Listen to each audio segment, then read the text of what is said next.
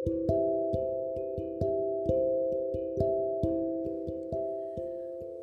saudara, selamat malam. Salam sejahtera bagi Anda dan keluarga Anda.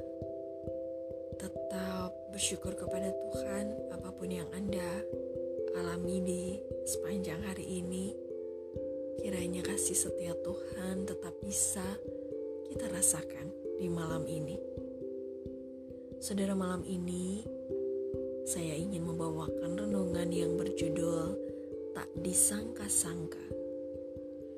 Firman Tuhan yang melandasinya kita ambil dari 1 Korintus 2 ayat yang ke-9.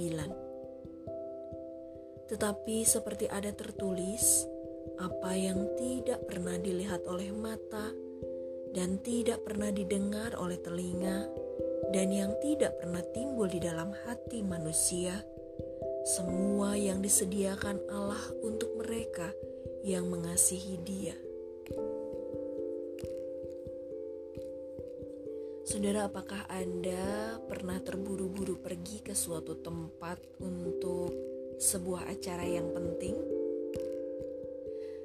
Ketika itu, Anda harus berkendara sendirian, dan jalanan yang lengang seolah begitu mendukung maksud hati Anda untuk segera sampai ke tujuan dengan menancap pedal gas sekencang-kencangnya. Pernah Anda mengalaminya? Tetangga kami, saudara, pernah melakukan hal itu. Ketika itu, ia ingin sekali segera sampai di rumah setelah kerja lembur yang sangat melelahkan.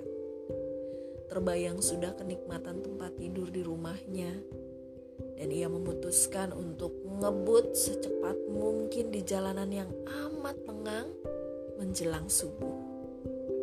Tapi selepas 10 menit melaju kencang, Tiba-tiba saja sebuah truk sudah berada di depannya.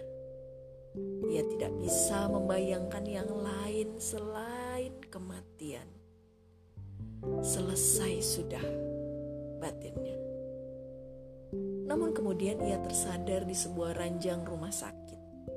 Kakinya mengalami luka yang cukup parah.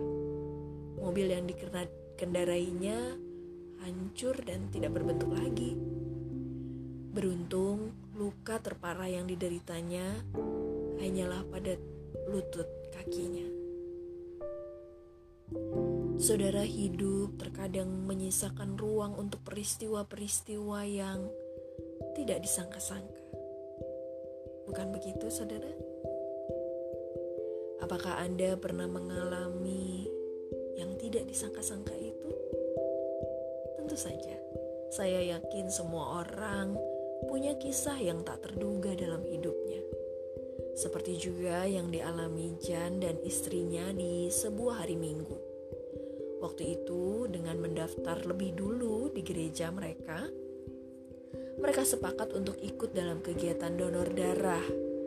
Semua persiapan telah mereka lakukan sejak seminggu sebelumnya. Makan yang sehat, tidur yang cukup, dan tidak meminum obat apa pun.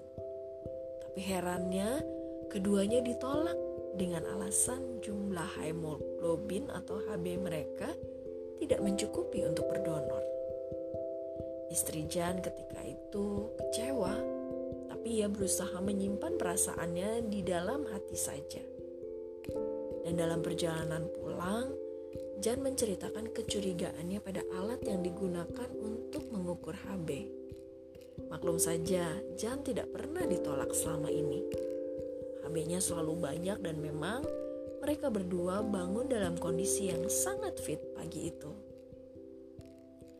Di tengah jalan, Jan memutuskan untuk mencoba berdonor di PMI lain yang dilewati mereka dalam perjalanan menuju ke rumah. Feeling mereka terbukti, saudara. Keduanya dinyatakan bisa berdonor dengan HB 15 untuk Jan dan 13,3 untuk sang istri. Hari itu mereka pulang dengan hati yang gembira karena maksud mulia mereka dapat diwujudkan.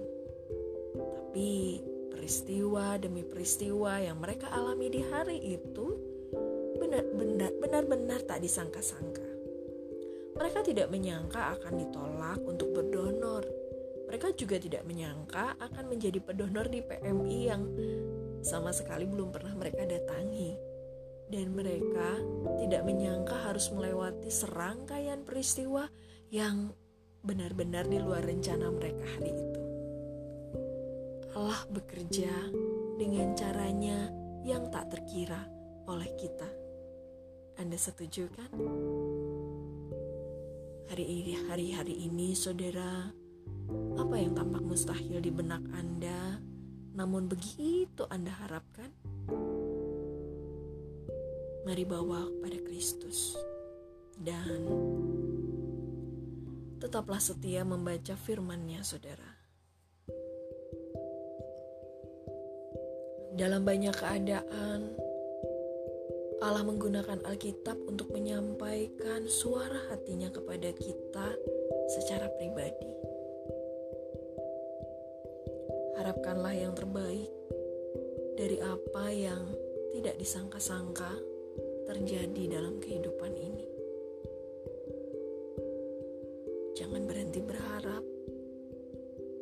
Tetapi tetaplah berdoa supaya kita siap untuk menjalani saat-saat yang tak terduga itu.